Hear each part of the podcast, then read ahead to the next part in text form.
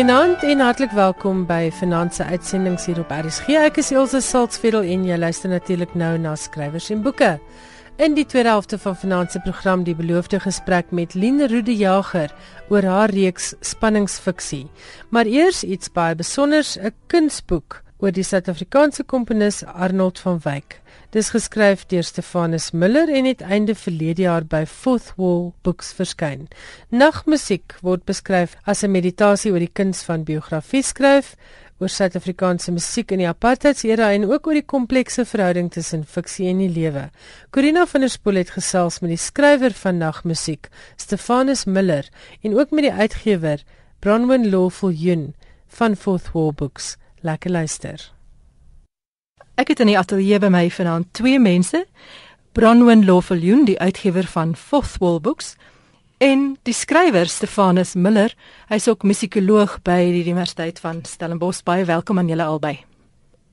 Dit gaan vanaand hier om 'n baie besonderse boek, of eintlik moet ek sê, boeke. Die boek wat Stefanus Miller geskryf het, het die titel Nagmusiek. En dit is eintlik 3 boeke in een. Dis gebind in 'n glydoos of 'n voedraal soos Bronwyn sê. Bronwyn, jy het hierdie boek bymekaar gemaak. Jy het besluit hoe hy moet kom. Wat is 'n voedraal? Ons het baie lank gesels oor oor hierdie woord eintlik. Ons het 'n woord gesoek vir die Engelse slipcase van die die die die die, die drie boeke is saam kom saam in 'n in 'n slipcase. En ons kon net nie 'n woord vind vir vir slipcase nie. So ons het um, op die ou end voedraal gekies uit uit uit 'n paar woorde soos glipkoker, glydoos of glyomhulsel. Maar ons het gedink ehm um, voedraal klink. Maar waar kom dit vandaan? Ek weet glad nie. Weet jy waar dit vandaan kom? Ou Nederlandse woord ja, en waarskynlik mm. uit die Nederlanders het weer uit Frans ontleen. Dit klink so, ek weet nie. Nou ja, hierdie voedraal is 'n omhulsel, 'n boks om 3 boeke te bevat. En hierdie boeke is drie volumes van 'n boek met die titel Nagmusiek wat 'n vakkundige en eksperimentele fiksiewerk is oor die Suid-Afrikaanse komponis Arnold van Wyk. Bronwyn, miskien wil jy iets meer sê oor die totstandkoming en ontstaan van die boek? Stefanus het omtrent 4 jaar gelede hierdie manuskrip na ons toe gebring en dis die eerste keer wat ons ons ontmoet het en ons het onmiddellik besef dis 'n baie groot boek en 'n 'n ongewone projek wat 'n baie interessante manuskrip was, maar ook ehm um, wat baie wat lieflike foto's en ander uh, visuele materiaal bevat het. So Fourth Books is eintlik 'n kunsuitgewer, 'n kunsboekuitgewer. So dis nie gewoonlik dis dit, on, ons neem nie sulke uh, sulke projekte elke dag aan nie want dis um, dit het geklink asof dit 'n biografie is, maar terselfdertyd 'n roman. So in al die gesprekke met uh, Stefanus het ons besef dit gaan 'n baie groot boek of boeke wees. En op die ou end, ek dink in die begin het Stefanus gedink dit gaan miskien 2 volumes wees. Uh maar ons het besluit 3 volumes gaan gaan goed wees want die eerste die eerste volume is die katalogus van Arnold van Wyk sewerke. Die tweede volume is Stefanus se notas en 'n uh, indeks en die derde volume is die wat ek die roman noem. Die ontwerpe van die boek is Oliver Baaster my vernoot by Fourth Wall Books en hy en Stefanus het baie baie lank aan hierdie uh, aan die ontwerp die ontwerp van die boek gewerk om uit te werk hoeveel prente daar moet wees. Wat gaan die verhouding wees tussen die prente en die en die teks en en hoe gaan die boek lyk? Stefanus, jy is die hoof en die stigter van die dokumentasiesentrum vir musiek met die naam Domus by die Universiteit van Stellenbosch.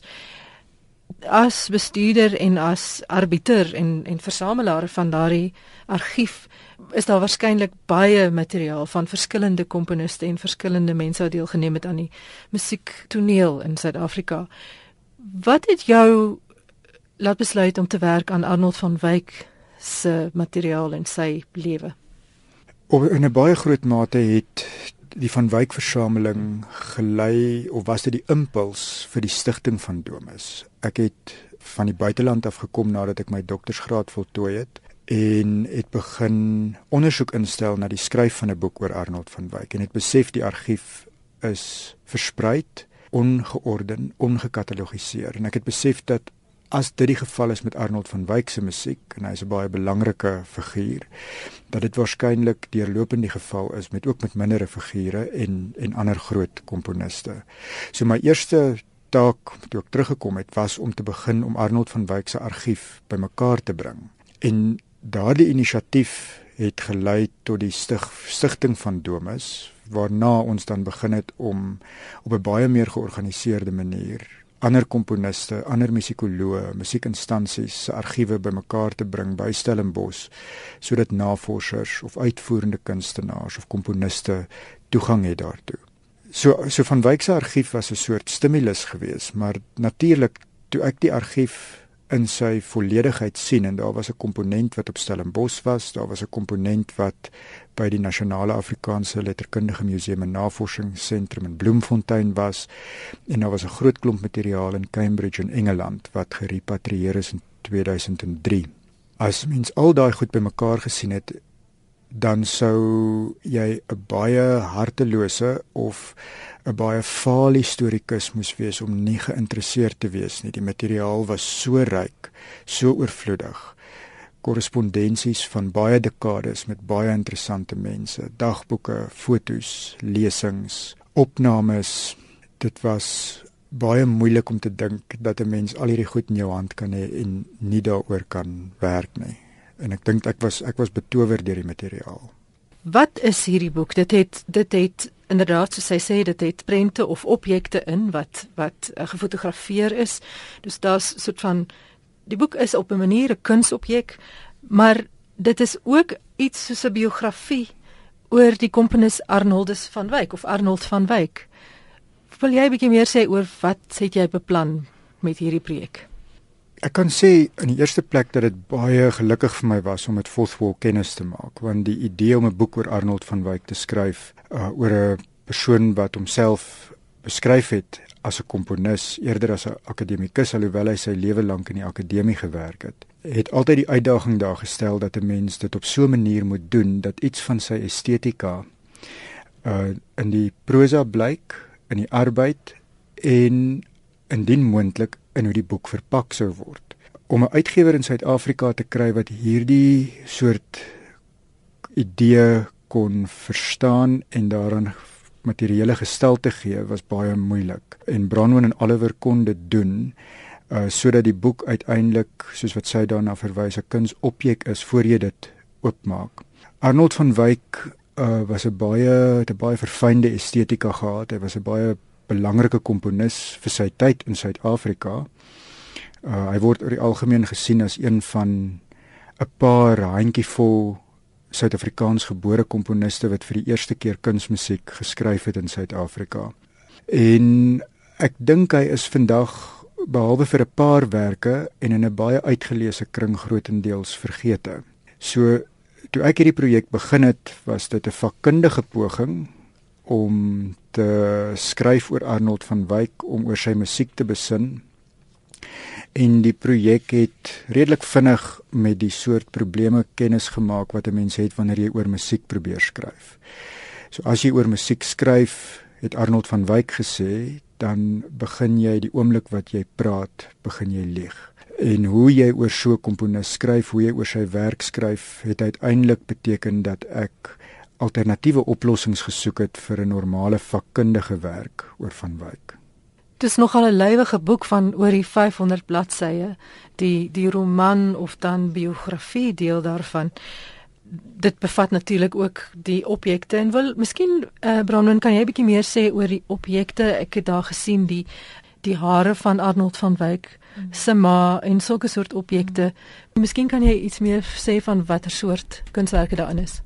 Uh Stefanus het prente bymekaar gemaak van die argief by wat hy saamgebring het in in in Stellenbosch by die konservatorium. So in die begin het hy het hy ehm um, baie verskillende goed vir ons gewys. So dit was sheet music, ek weet nie ehm um, bladmusiek, bladmusiek, fotos, skilderye van uh, van Arnold van Wyk, briewe doktersnotas, baie in in in allerlei dokumente. En toe ons het toe ons die materiaal sien, het ons besef dis die die boek uh die potensiaal om baie tekstueel of uh, ryk tekstueel te wees. En so dit omdat ons 'n uh, kunsuitgewer is, 'n kunsboekuitgewer is, het het het ons daarin baie belang gestel om om uit te werk hoe om met hierdie verskillende dokumente en en en prente te werk saam met die teks. Stefanus, die aard van van 'n biografie of 'n roman, dit, ons kan 'n bietjie praat oor die roman aard daarvan is 'n miskien seleksie van materiaal van 'n mens se lewe. Hierdie boek sluit egter in lyste, soos Brandon gesê het, weet fakture van dokters, baie klein minuskule detail van 'n van 'n lewe. Wat het jou laat besluit om dit alles in te sluit? Uh, die basiese idee agter hierdie insluit van die detail wat 'n mens normaalweg sou moet uitlaat as jy 'n vakkundige biografie skryf, het te doen daarmee om op 'n um, ehm, op 'n tasbare manier te wys hoe onmoontlik dit is om 'n lewe te rekonstrueer. Die besluit om dit te doen is nie net beperk tot die groot boek wat 'n soort narratiewe verloop het wat 'n mens uh, kan noem of 'n roman of 'n biografie nie. Dit is uitgebrei tot die katalogus en die werklys waar die hoeveelheid detail wat ingesluit word van dokumente waarskynlik heelwat meer is as wat nodig sou wees. So dit is 'n katalogus en 'n werklys wat oor die grense van die rasionele spoel in 'n soort waansinnige obsessiwiteit in. En dit is op daai vlak waar hierdie eerste volume wat die werklys of die katalogus is waar 'n leser tereg sou kon vra maar is die is die katalogus of die werklys eg die waansin van die katalogus en die werklys is deel van die waansin van die projek om die biografie te skryf. Um alles daar lyk histories korrek. Alles is histories korrek, maar alles is nie heeltemal rasioneel nie. En daar is 'n koppeling dan met die amper irrasionele projek om 'n lewe te probeer rekonstrueer. Daar's 'n vertellende ek in die boek. As ek dit reg verstaan is dit Werner met die naam Werner Ansbach. Dit is ook nie altyd duidelik of die ek is dit die vertellende ek of is dit die verteller of is dit die skrywer wat jy is? Wat is jou betrokkeheid en jou verhouding met Arnold van Wyk?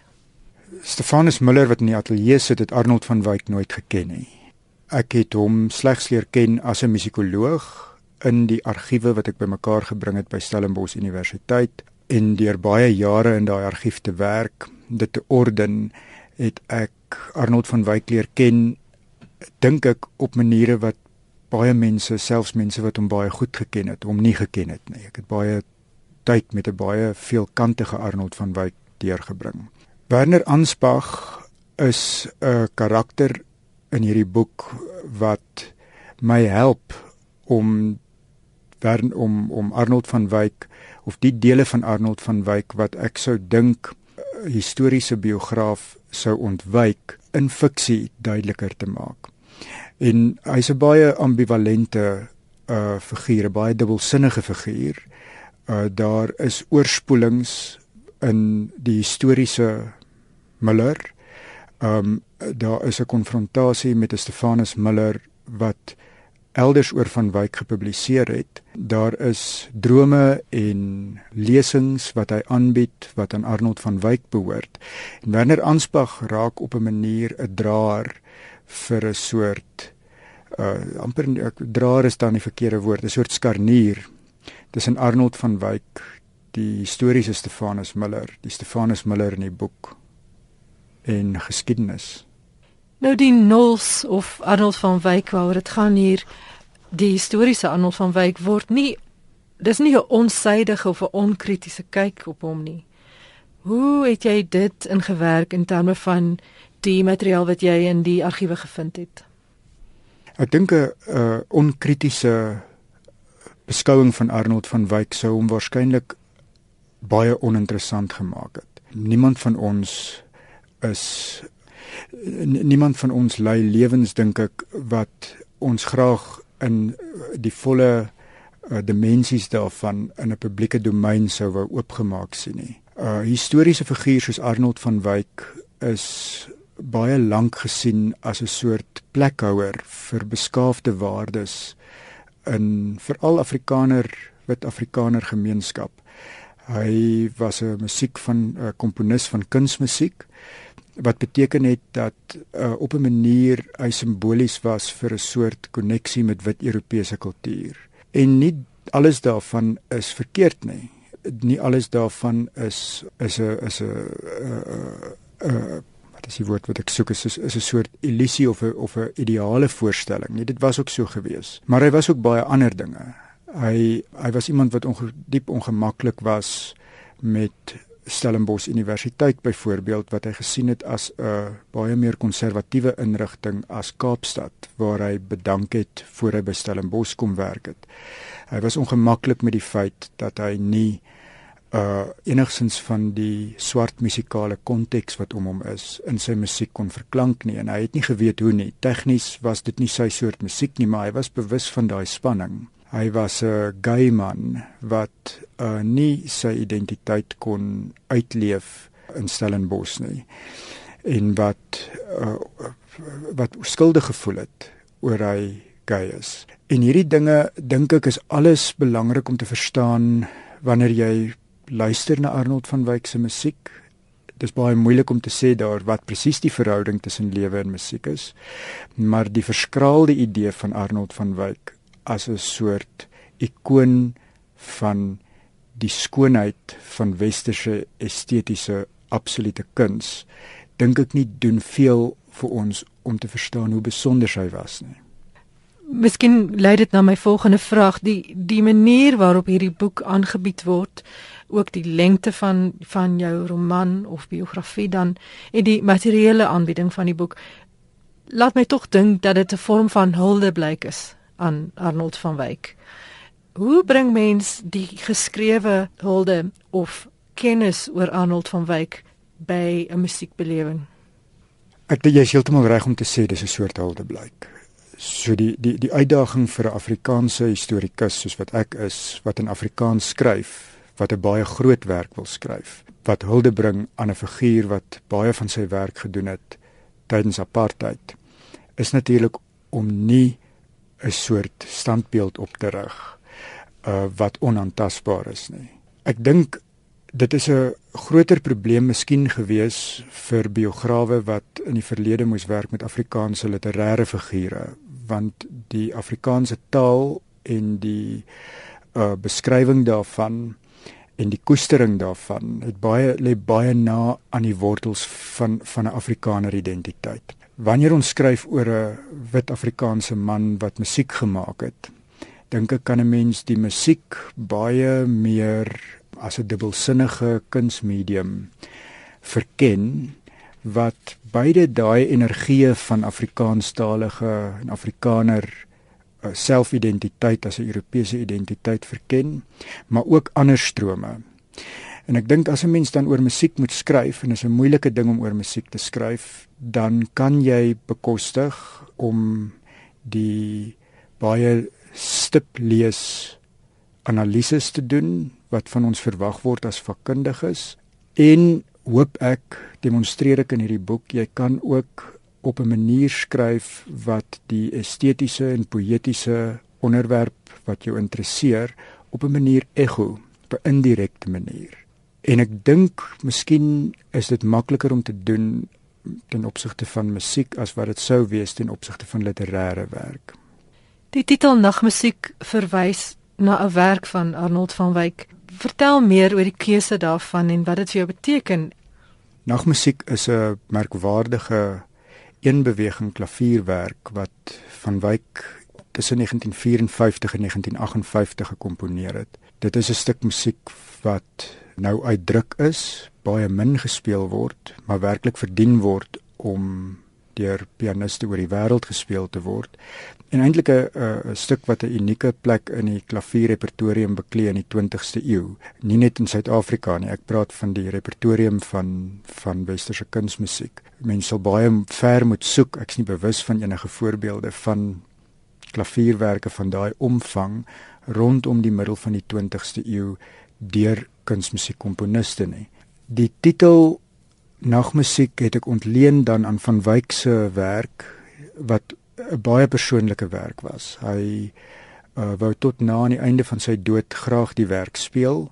Die werk is opgedra aan iemand vir wie hy baie lief was, die Australiese pianis Noel Newton Wood, uh, wat selfmoord gepleeg het. Die werk het alles te doen met die temas van liefde en dood en ek dink ek het gehoop nie om die vorm of strukturele aspekte van die werk noodwendig in in my boek te gebruik nie. Dit sou onmoontlik wees want jy het, jy het ander soorte struktuur nodig.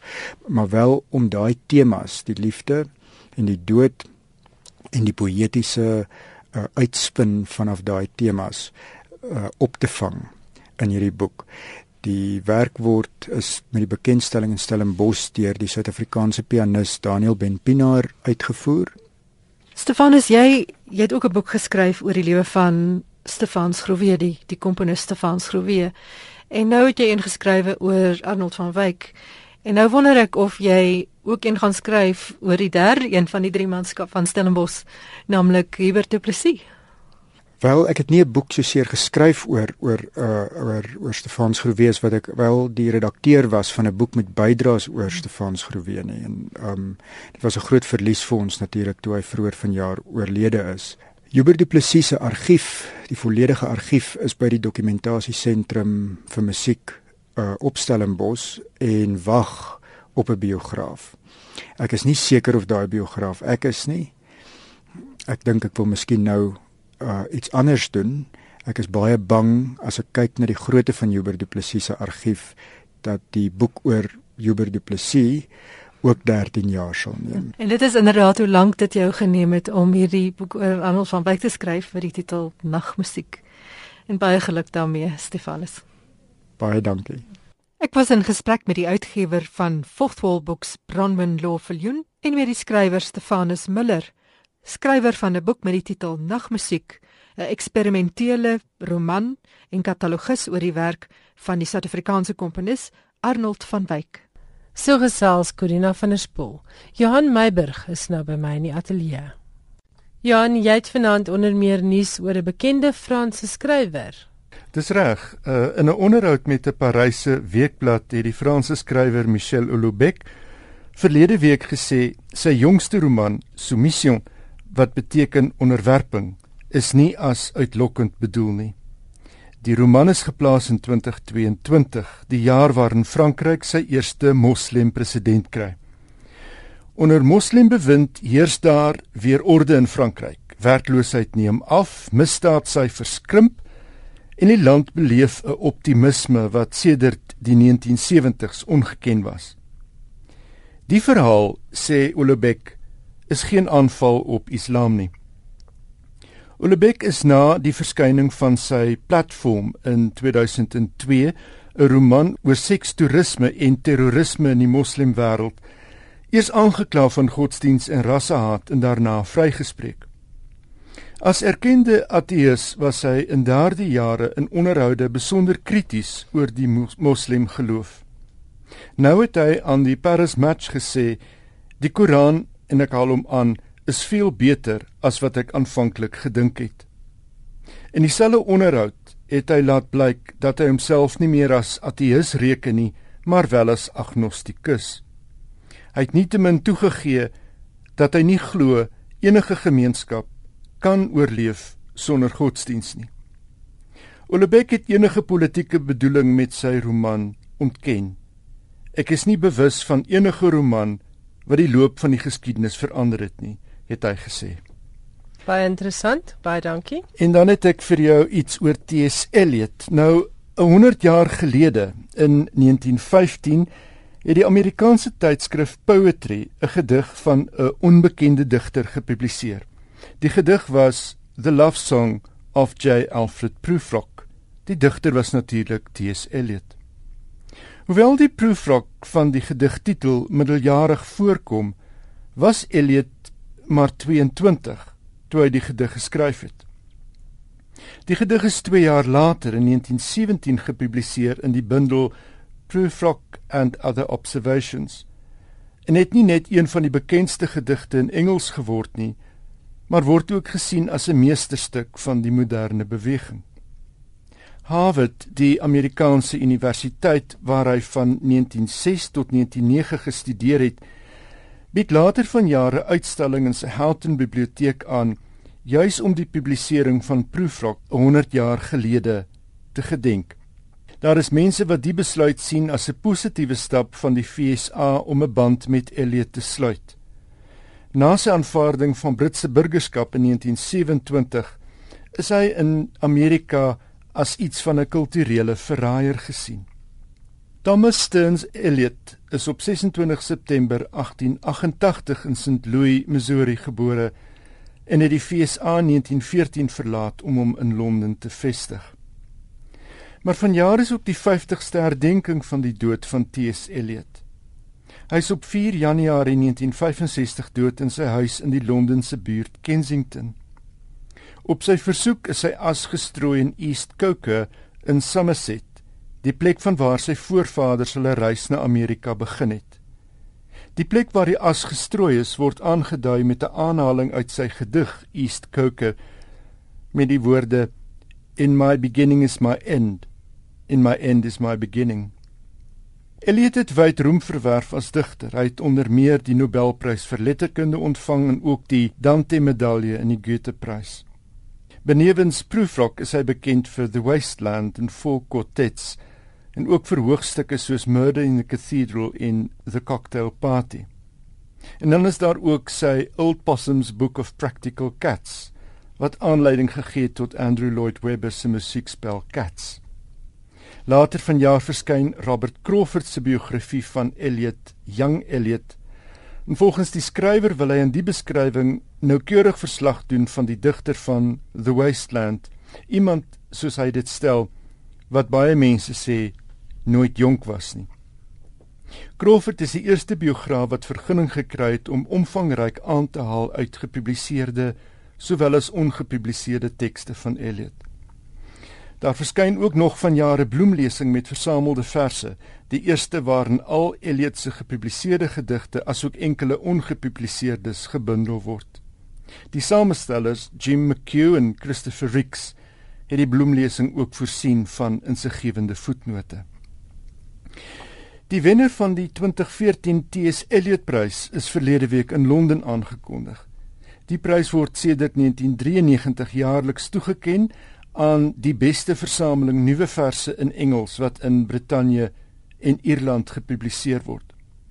Vorige wenners sluit in Don Patterson, Ted Hughes, Alice Oswald, Carol Ann Duffy, Seamus Heaney en Derek Walcott.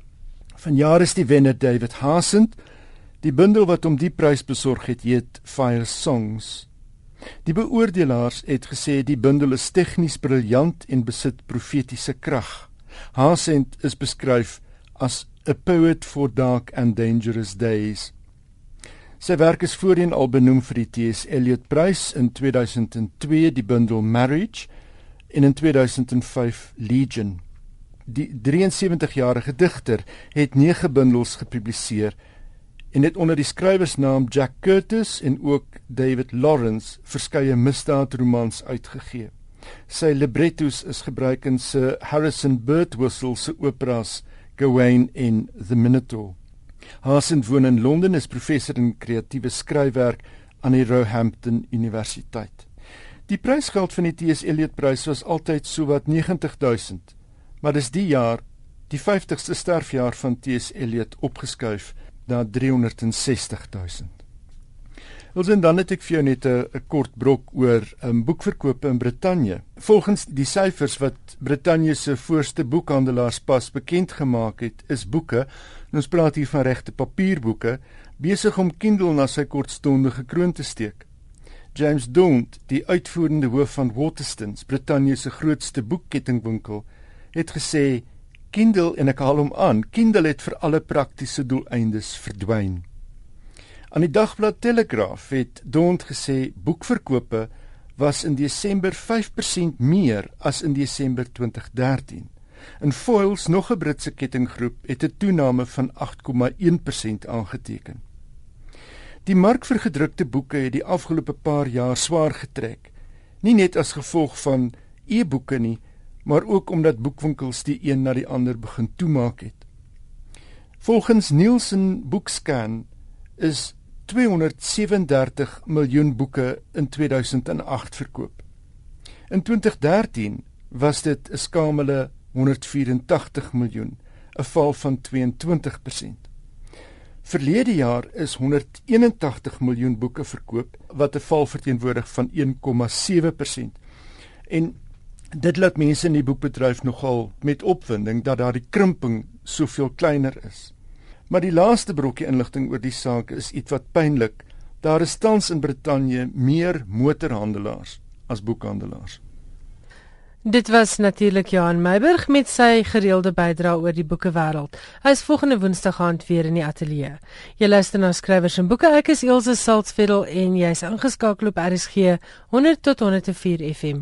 Ek gesels vanaand met Lien Rode Jager, 'n skrywer van Pretoria wat nou besig is met haar 4de speurroman in die Leuns, sal ek dit nou maar noem die Leunsreeks Lien? Ja, ja, die Kalikreinou reeks of die Leuns reeks. Hulle is almal een of ander leuns in die titel. In die titel. Kom ons begin gaga net by die begin. Wanneer en waar het jy begin skryf? Ek skryf eintlik van kinderdae af. Uh, ek het storieetjies geskryf toe ek nog op laerskool was. Ek het uh, uh op hoërskool was opstelle my hoogtepunt van die dag. Die luisteraars wat uh lank genoeg geheue het in die vorige eeu was daar 'n kinderprogram met die naam Simbamba. Dis eintlik waar ek formeel begin skryf het. Ek het storieetjies vir Simbamba geskryf. Na mate haar kinders ouer geword het, het Lina haar hand aan jeugverhale gewag totdat sy die raad gekry het om ook liefdesverhale te probeer. Toe het ons 'n paar kursusse gedoen en ek het gedink dit gaan vreeslik maklik wees en agtergekom dis steeds moeilik uh tot tot jy die tot jy die ding onder onder die knie gekry het. Na 'n paar liefdesverhale vir Lapa se romansa reeks, het sy besluit dis tyd vir iets nuuts. Ek vra toe lyk dit met misdaad en ek probeer hom toe ek dink ek het die eerste een 6 keer oorgeskryf maar um, met elkeen het dit beter gegaan en toe het ek nou eintlik my nis gekry want ek het my lees tande gesny op Karel Krielbol vir opvinding, vir avontuur, ja, vir ja, inspanning, ja. So ek lees hoofsaaklik in daardie genre. Ek lees Afrikaans en Engels in daai genre. Ek lees obsessief. Ek lees meeste van die tyd aan twee boeke gelyk. Nou skryf jy makliker aan dit omdat jy dit so baie lees. Ja, jy kan nie skryf in 'n genre wat jy nie lees nie. Toe ons die kursusse gedoen het by Cecilia Brits van Lapa Uitgewers, het sy gesê lees Milton Boone. Nie 2 of 10 of 20 nie, stapels. En ek het stapels Milton Boone gelees. Dit is medisyne ingeneem, jy hmm. weet. En dan dan kom jy naderhand in die gevoel van die ding kyk jy films hier hoor? Maak dit maak films dinge vir jou makliker? O ja, ek kyk graag die misdaadreekse op op televisie. 'n Mens moet realisties bly. Dit is nie hoe dit in die werklike wêreld gaan nie. Maar dit maak idees in jou kop wakker. Daar gebeur iets en dan dink jy ek het hierdie idee en hy gaan dalk daarin pas. Mm, mm. En dan herskryf jy nou wat jy gelees of gesien het op televisie in jou storie in jy moet natuurlik ongelooflik baie navorsing doen. Ek wil met jou praat oor die navorsing want wat vir my opval van die Kali Kreinou reeks, die leensboeke dan nou, sy is 'n hmm. forensiese psigofisioloog. Nou, dit is iemand wat uh, as ek dit nou vir die luisteraars moet opsom, dis dis byvoorbeeld die persoon wat 'n poligraaf toets sal aflê, maar dit is in wese dan die persoon wat iemand se liggaamstaal interpreteer om te kyk of die persoon die waarheid praat of nie. Is dit 'n goeie opsomming? Dit is 'n goeie opsomming oor vir jy jou huiswerk gedoen. Ek is in die gelukkige situasie waar ek forensiese psigofisioloog ken. Dit is 'n baie interessante veld. Ek dink is die eerste so karakter wat ek dis beslis die eerste een wat ek in Afrikaans raak lees en ek het eintlik nog nie reekse met so 'n persoon as hoofkarakter gelees nie. Sy het eendag na my toe gekom en sy het met al haar instrumentasie gekom en sy was aangetrek soos wat sy aantrek wanneer sy 'n poligraaftoets doen met die mooi ringe aan haar vingers en 'n donker raambril om die mense te intimideer al daai mind games ja dit. want dit is wat dit is nou sielkundige speletjies en ek het dit nooit besef voordat ek hierdie boek gelees het nie. Nee dit is so. Sy sy begin met 'n vraelys en dan doen sy 'n stemtoets. En hier laaste koppel sy die elektrodes aan die lys en dan wys haar rekenaar grafiek. Volgens Lin kan 'n psigofisioloog baie dinge aflei nog voordat daar 'n amptelike poligraaftoets gedoen is, bloot deur na iets soos lyfstaal te kyk. Het hy iets weggesteek? Sy kan nie sê hy jok nie, maar sy kan sien dat hy iets wegsteek. Jy maak later aan net staat op ehm um, die ander toetse in die lyfstaal. Die die die die stemtoon, die bewegings, al daardie dinge. Lin is tans besig om af te rond aan die 4de boek in die reeks. Die eerste 3 donker leuns, gekoopte leuns en slim leuns word almal deur Lapa gepubliseer. Ek het na 3 het ek gedink Callie is dalk uitgeskryf, maar toe sê my uitgewer nee, glad nie. Misdaad stories ry nou die kruin. Mense lees misdaad, skrywers skryf misdaad om een of ander rede. Het jy 'n idee wat die rede is? Het wil jy 'n raaiskoot um, waag? Jy sê gits, ek weet nie. Ehm um, daar kan verskeie redes wees. Ehm um, miskien het ons Suid-Afrikaners so afgestomp geraak deur geweld en misdaad dat uh dit hou ons nie snags wakker om oor moord en doodslag te lees nie. Dit is maar deel van die alledaagse lewe. Dan kan dit ook wees uh 'n rede wees dat baie mense het 'n sleur bestaan. Hulle doen miskien baie belangrike werk, maar dit is nie uh opwindende werk nie. Dit is nie interessante werk nie. En dan wil hulle huis toe kom en 'n bietjie bietjie aksie. En dink jy die storie van uh, ons dis vir ons Suid-Afrikaners juis vanweë die hoë misdaadsyfers lekker om geregtigheid te sien gebeur. Dink jy dit hou water? Dit dit hou definitief water. Dit is tog maar waaroor misdaadreeks gaan. Die oorwinning van die goed oor die kwaad. Daar is min van hulle waar die antagonis wegkom met lelike dade, jy weet. Wat skryf toe nou uiteindelik vir jou maklik toe jy jou voete vind? Skryf is nooit maklik nie. Ilse, ek dink ek dink jy sal met my moet saamstem want jou uh publikasie bloedsusters is een van my navorsingsbronne. Ek spyt um, dit te hoor, ek spyt gevlei. dit is nooit maklik nie, nee, dis harde werk. Skryf is harde werk. Dis bloed, sweet en trane, maar dis lekker. En uh, spook hierdie karakters ooit by jou? Mm. Ja, ek sit baie keer en skryf ek hier dinge dan dink ek Ewa Adelin, waar kom jy hier aan? Wat gaan in jou kop aan? Wat gaan jou liewe ou tante van 91 jaar oud sê as sy hierdie ding moet sien? Maar dit is asof die karakters lewe van hulle eie kry en uh jy gaan maar waar daai karakter jou lei. En ja, jy weet daai daai vroeg in die oggend wakker word soms en dan begin jou kop werk ek moet onthou om dit te doen, ek moet mm. onthou dat te doen dan ja, dan spook die karakters in jou kop. Maar, en as jy so teen die einde van 'n van 'n storie kom soos ek nou waar dit nou net afronding, afronding, afronding is, dis 'n lang proses. Dan begin jou kop alweer speel met die volgende, met die volgende idee. Dan begin jy alweer notas maak. My kop is vol stories, Ilse. My kop is vol stories. Ek hoop net ek kan lank genoeg leef om almal te skryf. Ja, ons hoop ook so, maar sê gou vir my die insident waarop 'n boek gegrond is, die misdaad of die reeks misdade, waar kry jy daai idee?